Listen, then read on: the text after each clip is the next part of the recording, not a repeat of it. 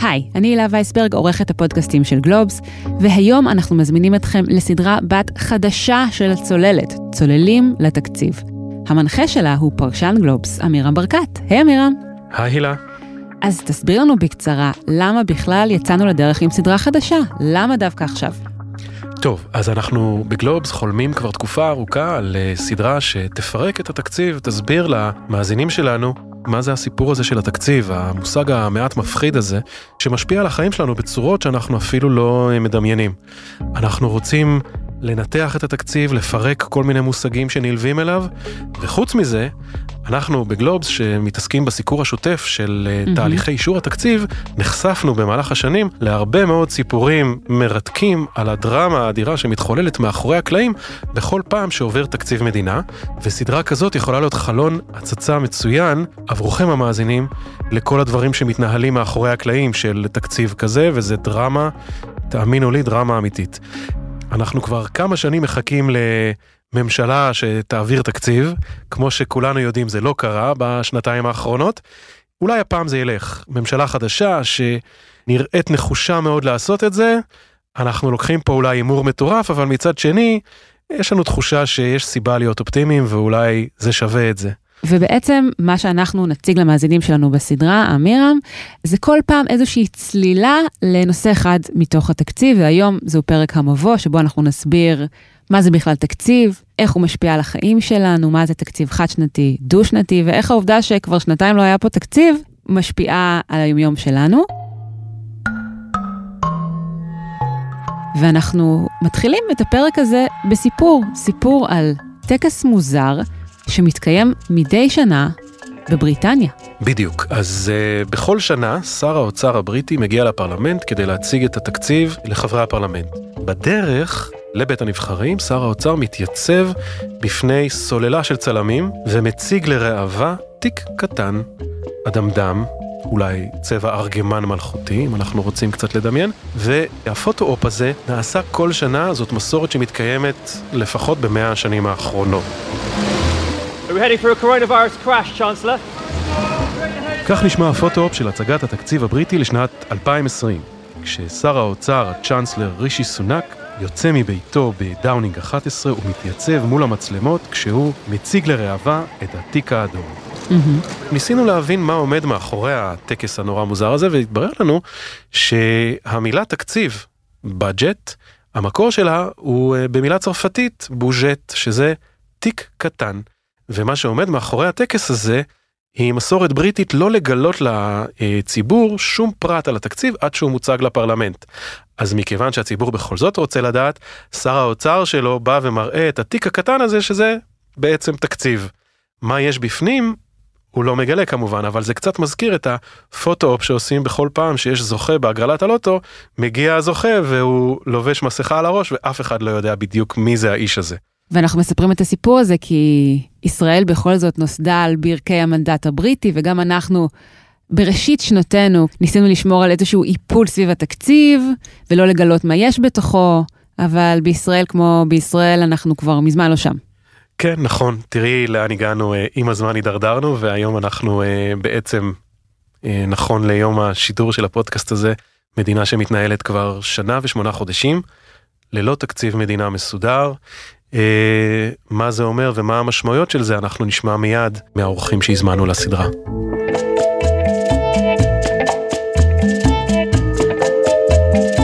אז האורח הראשון שלך, אמירם, הוא כתב הדאטה ג'ורנליזם של גלובס, עידן ארץ. היי עידן, וברוך הבא לפודקאסטים של הצוללת. שלום שלום. אז התחלנו את הפרק עם הסיפור על אה, בריטניה, והיא בעצם המדינה הראשונה בעולם שמתחילה לעבוד עם תקציב מסודר. איך זה קורה ולמה?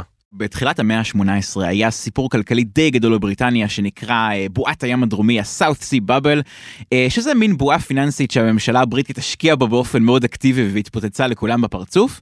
נוצרה דרישה ציבורית, בעיקר מטעם משלמי המיסים, לדעת על מה בעצם הממשלה הולכת להוציא את הכסף שלה.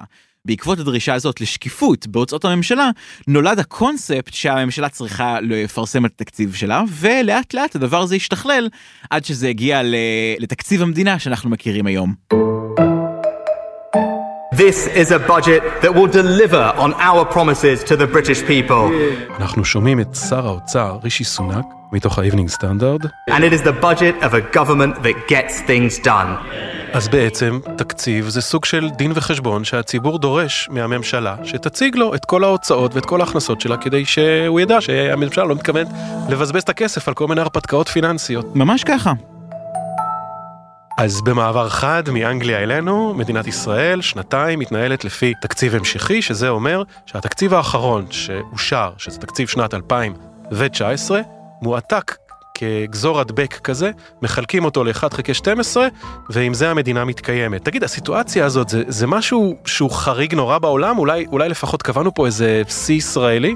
לא, הלוואי, לא רק שלא קבענו שיא ישראלי באי אישור תקציב, אפילו לא קבענו שיא ישראלי במשבר פוליטי. אה, למעשה ממש ממש בשנים האחרונות, אה, גם בבלגיה וגם בספרד, היו משברים מאוד מאוד דומים, הפרלמנט לא הצליח להקים ממשלה בגלל כל מיני מחלקות פוליטיות שלהם, ובעקבות זה לא היה אפשר לאשר תקציב.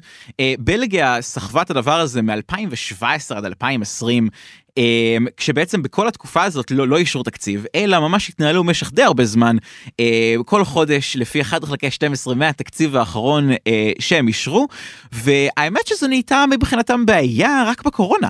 מה הם עשו? הם גם אה, היה להם קופסאות כמו אצלנו?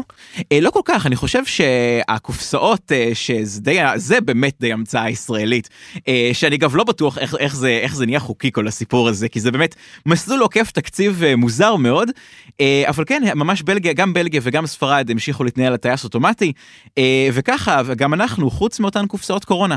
אז בעצם אתה אומר זה לא כל כך נורא להתנהל לפי תקציב המשכי או שאני מפספס משהו? אז זהו יש לזה מה שנקרא יש לזה יתרונות ויש לזה חסרונות או לפחות יש לזה חסרונות אה, יותר גדולים מאחרים. אה, בעצם מה שקורה בתקציב המשכי זה שכל הכסף שבעצם אה, שבעצם יש איזשהו חוק אחר שבעצם מכתיב ולהוציא אותו. אלה דברים כמו למשל אה, המשכורות למגזר הציבורי או קצבאות שמשלם ביטוח לאומי או העברות שמעבירים לכל מיני אה, בתי חולים וקופות חולים. וכל, ופינוי זבל וכל הדברים האלה, הם בעצם ממשיכים לתקתק כרגיל. אבל בעצם כל, אה, כל התוכניות המיוחדות שהממשלה בעצם אה, אה, רוצה לבצע, כל מיני רפורמות, כל מיני תוכניות, חלקן נהדרות, שרוצים בעצם לבצע, הממשלה תקועה איתן לחלוטין, ואין לה שום אפשרות ושום גמישות בעניין הזה. זה מזכיר לי תוכנית בשם בידיים טובות, שמעת במקרה? מה זה?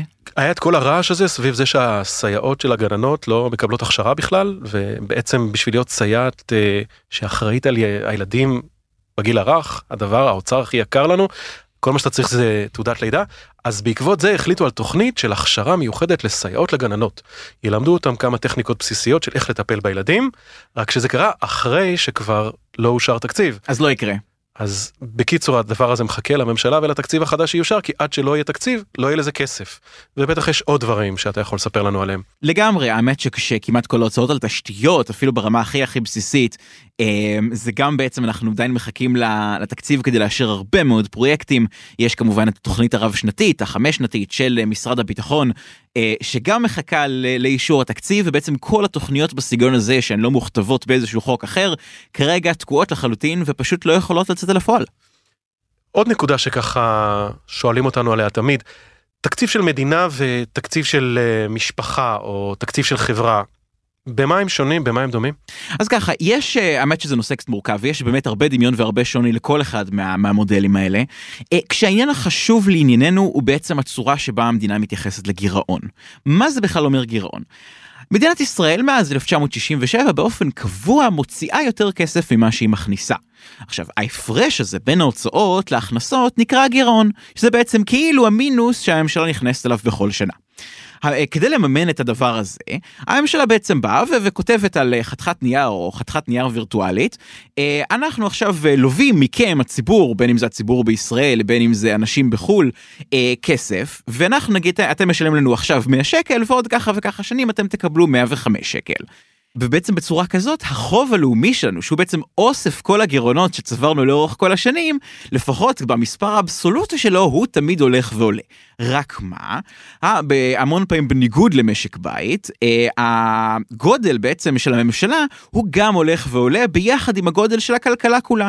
הכלכלה צומחת, אנשים ממציאים דברים, אנשים עובדים יותר, האוכלוסייה גדלה, ככה שבעצם יכול להיות מצב אמ, שבעצם החוב האבסולוטי, המספר שלו יעלה, אבל הכלכלה תצמח יותר, ולכן בעצם מה שנקרא היחס חוב תוצר, כלומר היחס בין סך החוב שלנו לגודל הכלכלה, בכלל יפחת לאורך זמן, וזה אכן מה שבעצם חווינו ב-15 שנים האחרונות, עד בעצם uh, משבר הקורונה.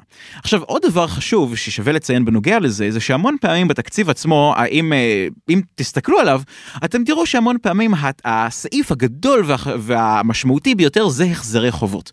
אבל הדבר הזה הוא קצת מטעה. למה? Uh, בגלל שבעצם כל שנה הממשלה בעצם מנפיקה אגרות חוב חדשות ומחזירה למי שלמי שהלווה לה את הקיימות. ככה שבעצם כמה בדיוק הממשלה אה, אה, מוציאה על אגרות חוב בכל השנה זה פחות חשוב. מה כן חשוב? זה סך הריבית שהממשלה אה, בעצם מוציאה על החובות שלנו. כלומר, כמה עולה לה לממן את החוב הזה בשוטף. ממש ככה, היום זה פחות או יותר 40 מיליארד שקל בשנה. זה אומר שאם היינו עושים אה, איזשהו קסם והחוב הלאומי היה פשוט נעלם, אז לנו, היו מתפנים לנו עוד 40 מיליארד שקל, או בעצם אה, אה, להוריד מיסים, או להגדיל, אה, או להגדיל את ההוצאות, אה, וזה בעצם המחיר, זה בעצם האבן שאנחנו סוחבים על, עלינו בטווח הארוך. נשמע נהדר, אה, רק שזה יעלה הרבה כסף להחזיר את כל החובות האלה. נכון. יש עוד הבדל, וזה שהתקציב המדינה, אה, בניגוד למשק הבית, שמשקף את הצרכים של משק הבית, אבל תקציב מדינה הוא סוג של משא ומתן בין קבוצות כוח פוליטיות, נכון? לגמרי, זאת אומרת, כל משרד וכל אגף וכל קבוצת לחץ שרוצה כל אחד את התקציבים שלה, או את הרפורמות שלה, אם אה, כשנגיע לחוק ההסדרים נדבר על זה הרבה, אז בעצם כל אחד דורש מהפוליטיקאים שלו ומהשרים שלו שילכו וילחמו בשבילו על, התקציבים. אז בעצם אה, אה, מה שיקרה זה שגם כל משרד, אה, היוקרה שלו והכוח שלו הם נובעים ישירות מהתקציב שהוא מקבל. עכשיו, מה שהולך לקרות בתקציב הקרוב, בגלל שאומנם הכנסות הממשלה בעצם לא מאוד ירדו, אבל הוצאות הממשלה בעקבות המשבר הקורונה זינקו לשמיים, כן? אה, ולכן בעצם אנחנו צפויים אה, להגיע על פי ההצהרות של שר האוצר ליברמן אה, למה שנקרא תקציב מצמצם. תקציב מצמצם זה תקציב ששואף לצמצם את הגירעון שהיום עומד על אם אני זוכר נכון 160 ומשהו מיליארד שקל שזה 10.5 אחוז מהתוצר השנתי שלנו שזה המון ובעצם כל כל משרד ככל נראה יידרש לקצץ איזשהו אחוז מהתקציב שלו זה מה שנקרא קיצוץ רוחבי זאת אומרת שלא מקצצים בדברים. דברים ספציפיים, אלא ממש מטילים על, על כל המשרדים איזשהו אחוז. ואז כל משרד הולך לשלוף מהר מהר מהר לא תוכניות הכי מיותרות שלו, הלוואי, אלא תוכניות הכי פוטוגניות והכי אה, שאפשר להציג אותן לתקשורת, ולהגיד תראו במה הממשלה הרעה הזאת הולכת לקצץ, ואז בעצם כל שר הולך לעלות לרגל אה, אה, לבעצם משרד האוצר בירושלים, והולך לבקש בליברמן להסיר מאיתנו את רוע הגזירה, אה, וליברמן בעצם בתיאטרון התקציב הוא מלוהק כאן לתפקיד שר האוצר הרע, שהוא בעצם זה שצריך לבוא לכל הקבוצות לחץ ולהגיד להם לא, לא, לא, לא, לא, או כן, כן, כן, בהנחה שהם uh, הצליחו להתקמבן פוליטית uh, בדרכים כאלה ואחרות, ואז בעצם בפועל במשא ומתן ביניהם, האופי הקיצוץ האמיתי או אופי השינוי ב, uh, בתמהיל התקציב uh, הולך להיקבע. Uh, וזה כן, זה, זה שילוב גם של בעצם הדרישות של הגורמים המקצועיים uh, במשרד האוצר ומשרדי הממשלה השונים, וגם מהעוצמה של כל קבוצות הלחץ ושל הפוליטיקאים שמייצגים אותן. אתה ליווית כמה וכמה תקציבים, uh, מה שנקרא, בשנים האחרונות. מה, מה צפוי לנו עכשיו? יש, uh, יש סיפורים? טוב, אנחנו יכולים לספר מה היה בשנים קודמות, יש לנו אה, אה, סיפורים מסמרי שיער על אה, קרבות שהתנהלו פה מאחורי הקלעים, יש לנו שרים שיספרו לנו, ייתנו לנו טיפים על איך הם הצליחו לעבוד על הקולגות שלהם ולהוציא מהאוצר יותר, ומהצד של האוצר יספרו לנו על איך הם הצליחו לנהל את המשא ומתן המאוד מורכב הזה מול השרים. אה, מה שנקרא, יישארו עמנו, יהיה מעניין. לגמרי, אה, ותקראו את המערכונים של אפרים קישון על זה. באמת שזה מדהים כמה לא השתנה אה, ב-40 שנה האחרונות.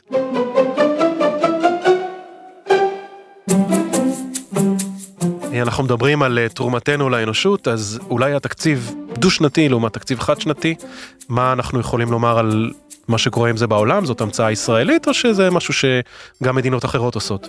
אז כן, היו כמה, היו כמה מדינות שהתנהלו בצורה כזאת, גם חלק מהסטייטס האמריקאים מתנהלים בצורה כזאת, אם כי פחות ופחות, אבל באופן כללי אין אף מדינה היום ב-OECD חוץ מישראל שמתנהלת בתקציב דו-שנתי. היתרונות והחסרונות של הדברים האלה זה בערך הולך ככה. היתרון העיקרי, ש... וזה הסיבה שעושים את זה, של תקציב חד-שנתי, זה הגמישות. אה, שבעצם אפשר אה, להתאים את, אפשר להתאים את עצמך גם להכנסות אה, ממיסים שיכולות לעלות ולרדת ואתה לא יכול לדעת מזה בראש, או לצרכים משתנים של המשק. היתרון העיקרי של תקציב דו-שנתי אה, זה קודם כל יציבות שאתה יכול לדעת מה יהיה כבר עוד שנתיים, אבל תכלס תכלס זה בעיקר יתרון פוליטי. כי בעצם אה, אה, העברת תקציב, במיוחד בישראל שהממשלה נשענת עליו באופן כל כך מוחלט, אז זה עניין, זה מוקד התנגשות מאוד מאוד גדול בין הממשלה לאופוזיציה, והממשלה רוצה לסדר לעצמה לפחות שנה אחת מלאה של שקט, וזו הסיבה. הסיבה העיקרית שמשתמשים בשיטה הזאת בישראל. ועוד המצאה ישראלית אחרונה להפעם, אני חושש, אה, חוק ההסדרים. נכון מאוד. אה, חוק ההסדרים זה בעצם משהו שהומצא אה, במשבר הגדול של 1985, כמו אגב הרבה מאוד דברים שקשורים לתקציב שלנו, אה, ובעצם הרעיון הוא לקחת את כל הרפורמות הכלכליות שבעצם מתכננים להעביר בשנה או בשנתיים אה, האחרונות, ולדחוס את כולן לחוק אחד ויחיד שיעבור בכנסת. אה, מין ו... חוק על כזה. בדיוק, שהוא בעצם אה, מכיל בתוכו הרבה... הרבה מאוד רפורמות כלכליות, חלקן מאוד מאוד משמעותיות, אה, שגם אותם אנחנו אה, נזכור בפודקאסט הזה. איך חוק ההסדרים אה, קשור בכלל לתקציב? חלק מהרפורמות האלה יש להם השלכות תקציביות ישירות ומיידיות שהן בעצם משפיעות על אה, כמה כסף אנחנו הולכים להוציא. למשל, אם נגיד הממשלה רוצה אה, להוציא למגזר הפרטי בנייה של כל מיני אה, תשתיות אה, תחבורה למשל, בשיטה שנקראת BOT, אה, אז בעצם לדבר הזה יש ממש השלכה על כמה כסף הממשלה צריכה להוציא השנה על בניית כבישים, ולכן הרפורמה הזאת היא עוברת בסמוך לתקציב כדי בעצם לסנכרן בין הדברים האלה. ויש עוד משהו. בעצם חוק ההסדרים תלוי בחוק התקציב. לא יכול להיות מצב שיאושר חוק התקציב וחוק ההסדרים לא יאושר, הם תלויים אחד בשני, וכך בעצם האוצר מכניס דרך התקציב, דרך האינטרס הזה של הממשלה להעביר בכל מחיר את התקציב, עוד חוק שהוא בעצם 50 חוקים בחבילה אחת. לגמרי, ובעצם הדבר הזה, חוק, חוק ההסדרים וחוק התקציב ביחד, הוא בעצם אפשר להסתכל עליו בתור הקופסה הגדולה שהיא המדיניות הכלכלית של ממשלת ישראל, ולכן בעצם אה, מתרכזים בה כל כך הרבה נושאים חשובים אה, שנזכור כאן. מצוין, סיכום נהדר. תודה רבה לך עידן, ונשמע אותך בפרקים הבאים. תודה אמירם.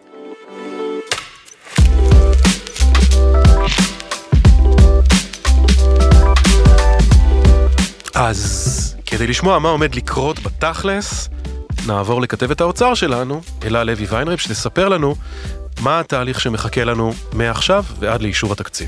טוב, אז עכשיו אנחנו במאני טיים, זה הזמן שבו אה, באוצר, גורמי המקצוע וליברמן בונים את התקציב לפי אה, המדיניות של ליברמן. כמובן שיש כבר רפורמות מוכנות, תוכניות מוכנות שעבדו עליהן במשרד האוצר וישבו במגירה, שהם צריכים חלק מהם לרענן, חלק מהם ירדו, ירדו מהפרק, כי הם לא באג'נדה של ליברמן, אבל זה, עכשיו העבודה היא על בניית תקציב וחוק הסדרים לשנת 2021-2022, שזה בעצם נחשב לתקציב דו-שנתי.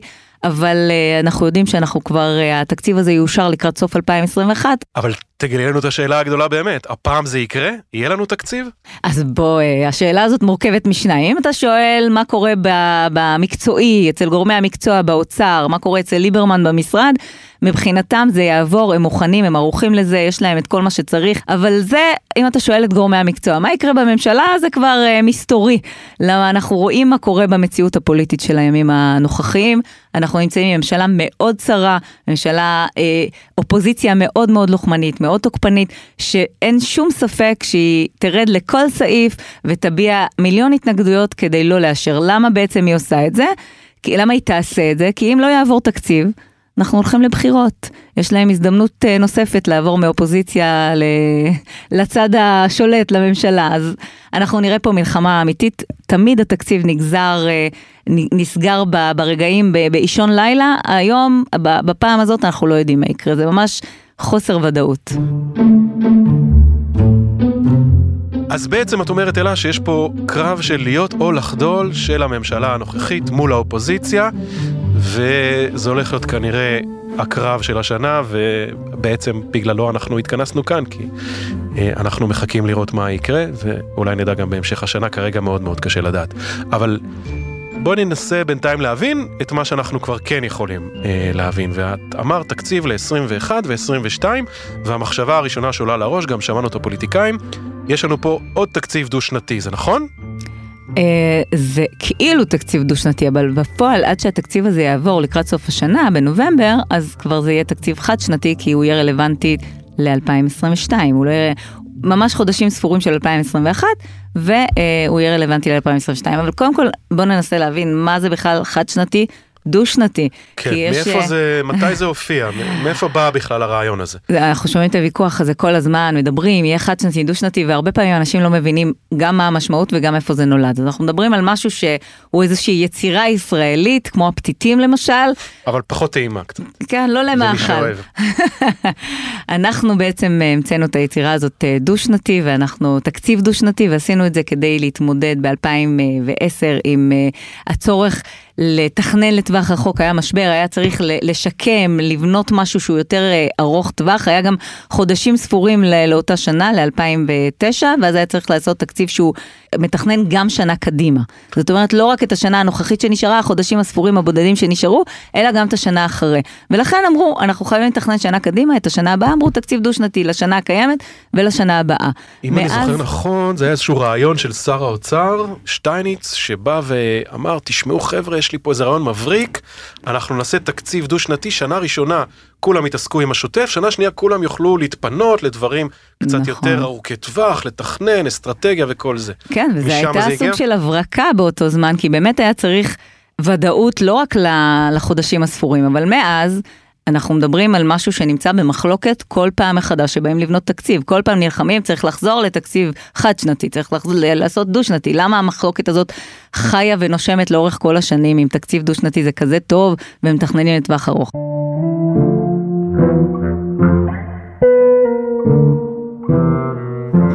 מההתרשמות שלי, וגם אני אה, ישבתי בכיסא שאת אה, אה, יושבת עליו עכשיו, שטייניץ היה באמת מאוד גאה ברעיון שלו, אבל העובדה שעד היום הוא לא אומץ על ידי מדינות נוספות, אולי מראה שהוא רעיון לא כל כך מוצלח, או שעדיין אנשים לא הבינו את uh, עומק גאוניותו. זה הברקה אה, לשטייניץ בלבד, הברקה שלו בלבד, כי אף אחד באמת ב-OECD, אף אחד לא אימץ את הפטנט הישראלי הזה. עכשיו, אה, יש לזה גם אה, פן פוליטי כמובן, ובוא תסביר לנו את הפן הפוליטי.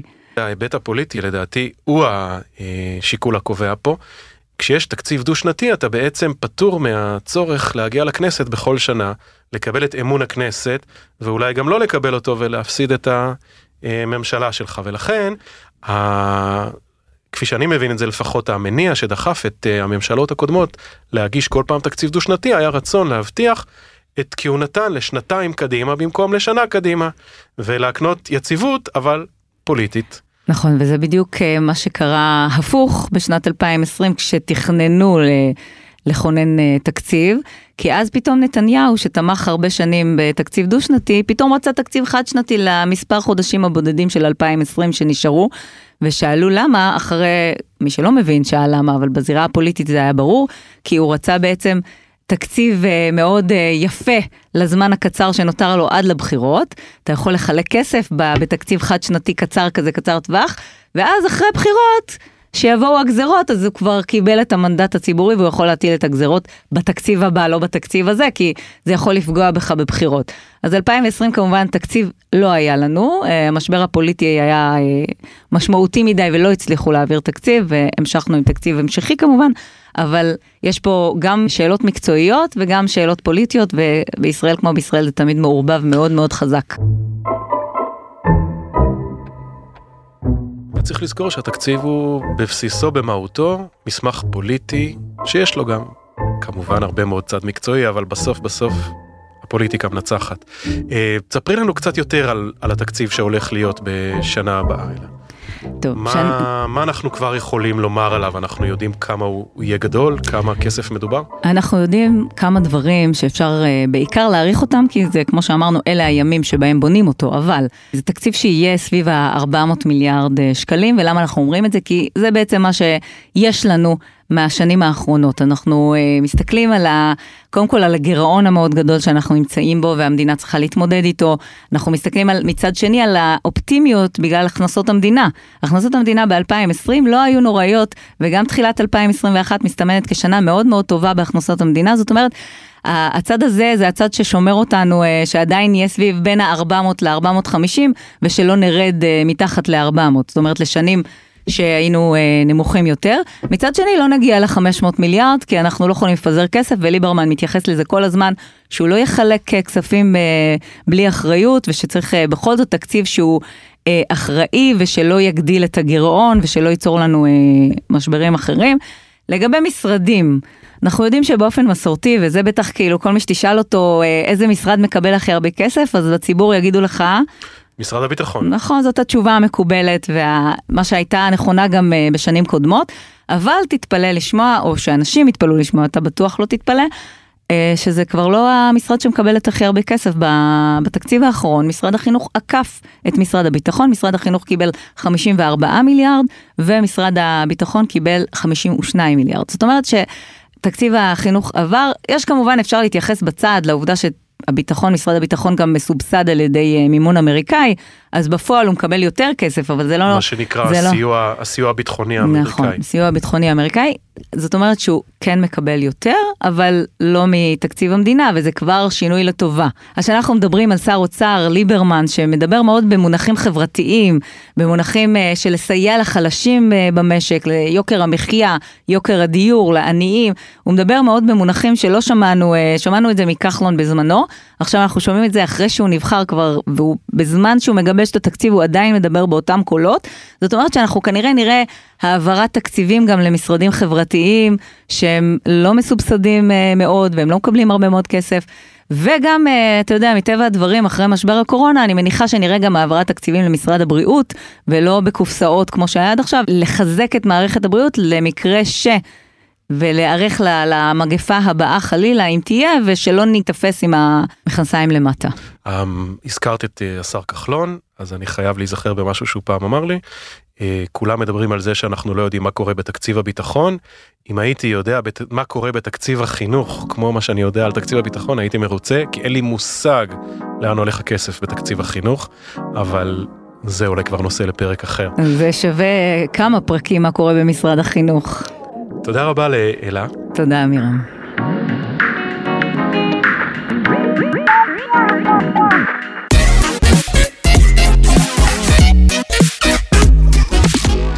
כאן הפרק הראשון של צוללים לתקציב.